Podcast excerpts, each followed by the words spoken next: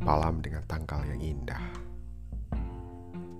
Beberapa orang merayakan sebagai pengingat hari bahagia dalam sejarah di hidupnya. Beberapa orang menanti hari bahagia yang dinantikan begitu lama. Namun, beberapa orang juga harus ikhlas dengan kesedihan yang mereka alami. Kita tidak pernah tahu tentang bagaimana keadaan pada tanggal yang indah sekalipun. Makna indah akan banyak sekali diartikan.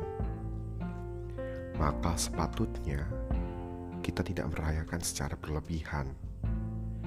Karena kita bersyukur pada tanggal ini masih diberikan umur panjang, kesehatan yang dapat membuat kita melihat senyum termanis dari orang-orang yang kita sayangi hingga pada akhirnya kita selalu berdoa agar dapat selalu melihat senyum termanis dari orang yang kita sayangi.